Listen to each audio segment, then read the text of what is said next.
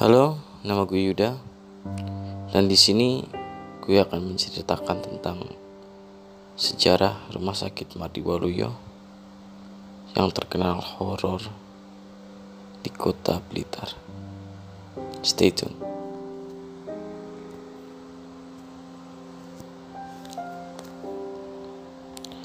Di Indonesia tentunya ada banyak bangunan bekas peninggalan Belanda yang masih berdiri hingga kini dan tersebar di berbagai daerah di Indonesia.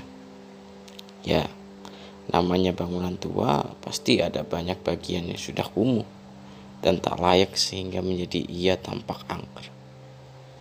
Pemandangan yang sama bisa dilihat di Rumah Sakit Mardi Waluyo Blitar. Rumah sakit ini konon banyak menyimpan kisah menyeramkan. Bagaimana lengkapnya tentang kejadian di dalam bangunan ini? Simak ulasannya sampai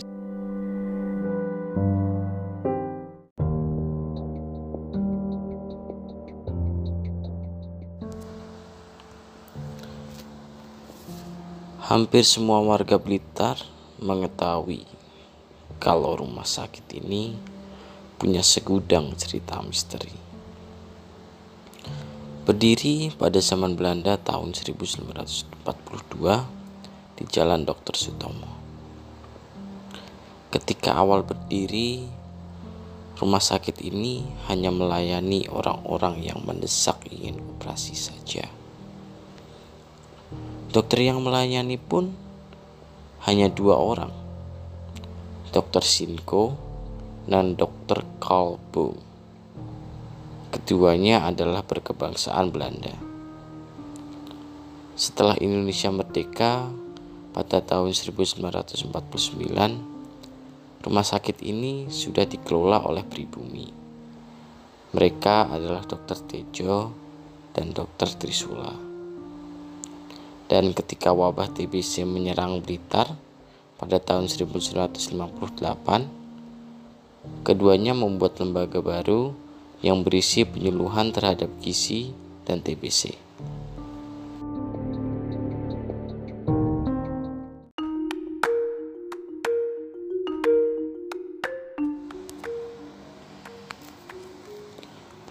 Karena tergolong rumah sakit tua, maka banyak sekali kejadian janggal yang kerap dialami oleh para pasiennya yang membuat mereka ogah opnam di sana. Di area rumah sakit sering muncul penampakan yang pastinya cukup mengganggu pengunjung.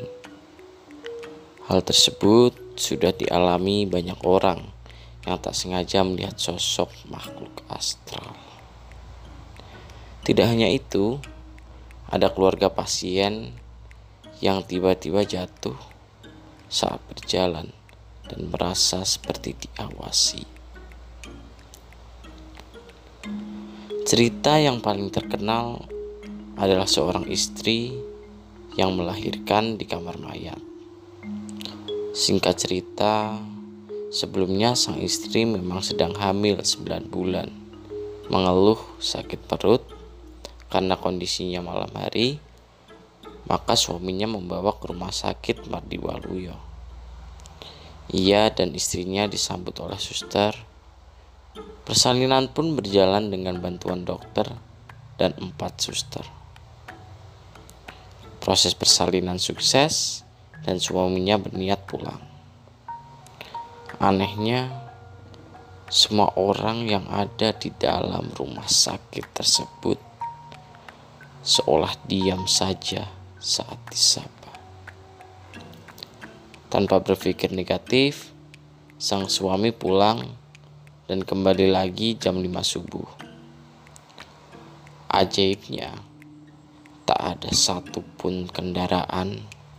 Rumah sakit tersebut pun kosong melompong. Sementara istrinya ditemukan ada di kamar mayat sedang menangis. Ngerikan.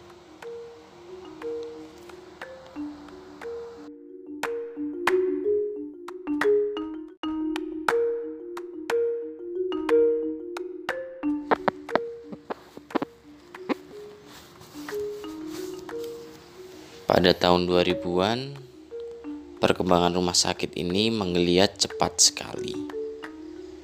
Melihat rumah sakit yang bangunannya terlihat rapuh, kumuh, serta lekat dengan kesan angker, Jarod Saiful Hidayat selaku wali kota ketika itu membangun bangunan baru di atas lahan seluas 5 hektar di Jalan Kalimantan yang lokasinya lumayan jauh dari rumah sakit Madiwaluyo yang lama.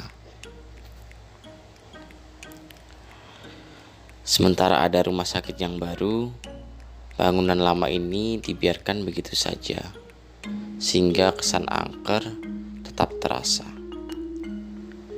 Seperti yang diketahui, bekas bangunan tua tersebut sudah ditinggalkan sejak 8 tahun. Semak belukar dan rumput liar tumbuh bebas. Temboknya pun sudah sangat kusam serta pagarnya sudah berkarat.